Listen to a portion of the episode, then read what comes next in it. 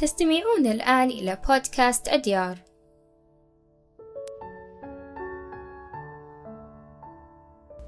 أهلا. اسمي هنادي عريف مقدمة في بودكاست أديار. أتيت لأتكلم عن قصة شخص ما فيا ترى من هو؟ هذه الحلقة بعنوان نحو الأفق. سنشرق. ونغرب وننطفئ ونبرق. وسيأتي يوم نلمع فيه أو نخفت. نحن من سنقرر ذلك. فالحياة لن تبقى مضيئة أو معتمة دوما. وعلينا أن نعتاد عليها. لن ندع الحزن يغمرنا. لن ندع الفرح ينسينا. لن ندع الإخفاق يحطمنا.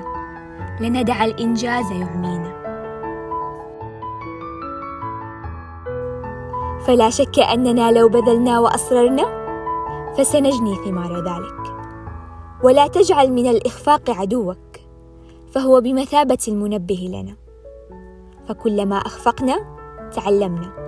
وكلما تعلمنا أنجزنا أكثر. ولا شك أننا كلما خرجنا من خطأ وقعنا في آخر. وبالطبع لن نبقى عالقين فيه.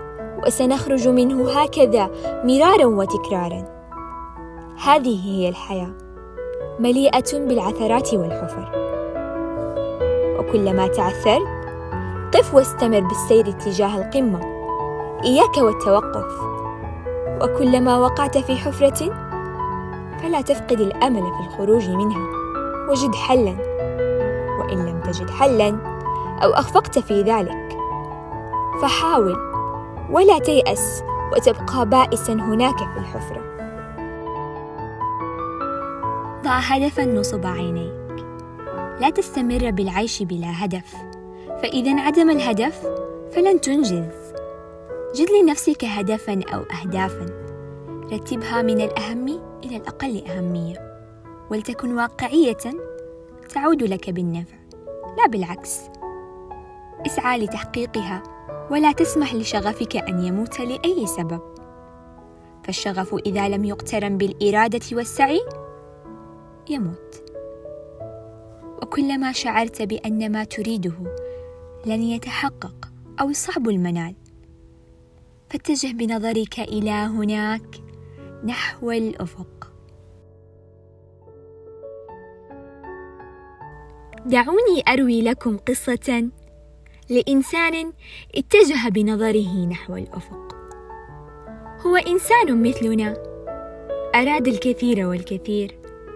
بنى طموحات كثيرة مشكلا بها بوابة لحياته المستقبلية.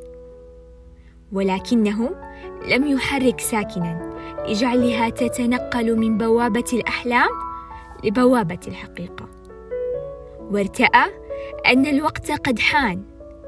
لعزم السير وشد الرحال وهنا تبدأ قصة كفاحه.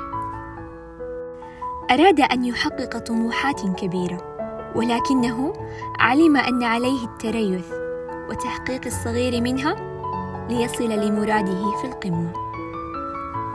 ولطالما حاربته عصابة مكونة من الندم والخوف والاستسلام واليأس.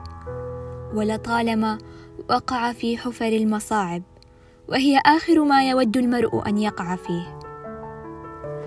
غلبته الدموع كثيرا وقرر التوقف عدة مرات. أراد ما يريده الجميع أراد الراحة. ولكن وما لذة الراحة لو كانت فشلا؟ وما حياة الإنسان بلا هدف أو طموحات؟ وماذا سيخسر إن حاول مرة أخرى؟ وتارة أخرى.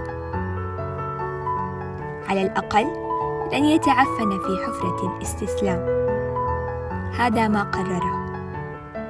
وقف منتصبا ابتسم وشمر عن ساعديه وحمل أسلحته في مواجهة الصعاب. حمل الأمل والثقة والتفاؤل والإصرار. وأكمل خطاه ليحصل على ما أراد. ليحارب من أجل نفسه وليري العالم من هو.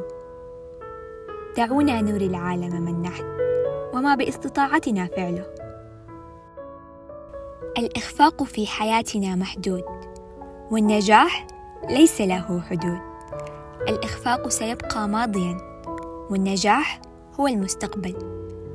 كلما أخفقنا كلما اقتربنا لنيل ما نريد. الإخفاق الحقيقي هو أن نتخلى عن أهدافنا. قصة من هذه يا ترى؟ وما هي نهايتها؟ يوما ما قد تكتب أنت النهاية.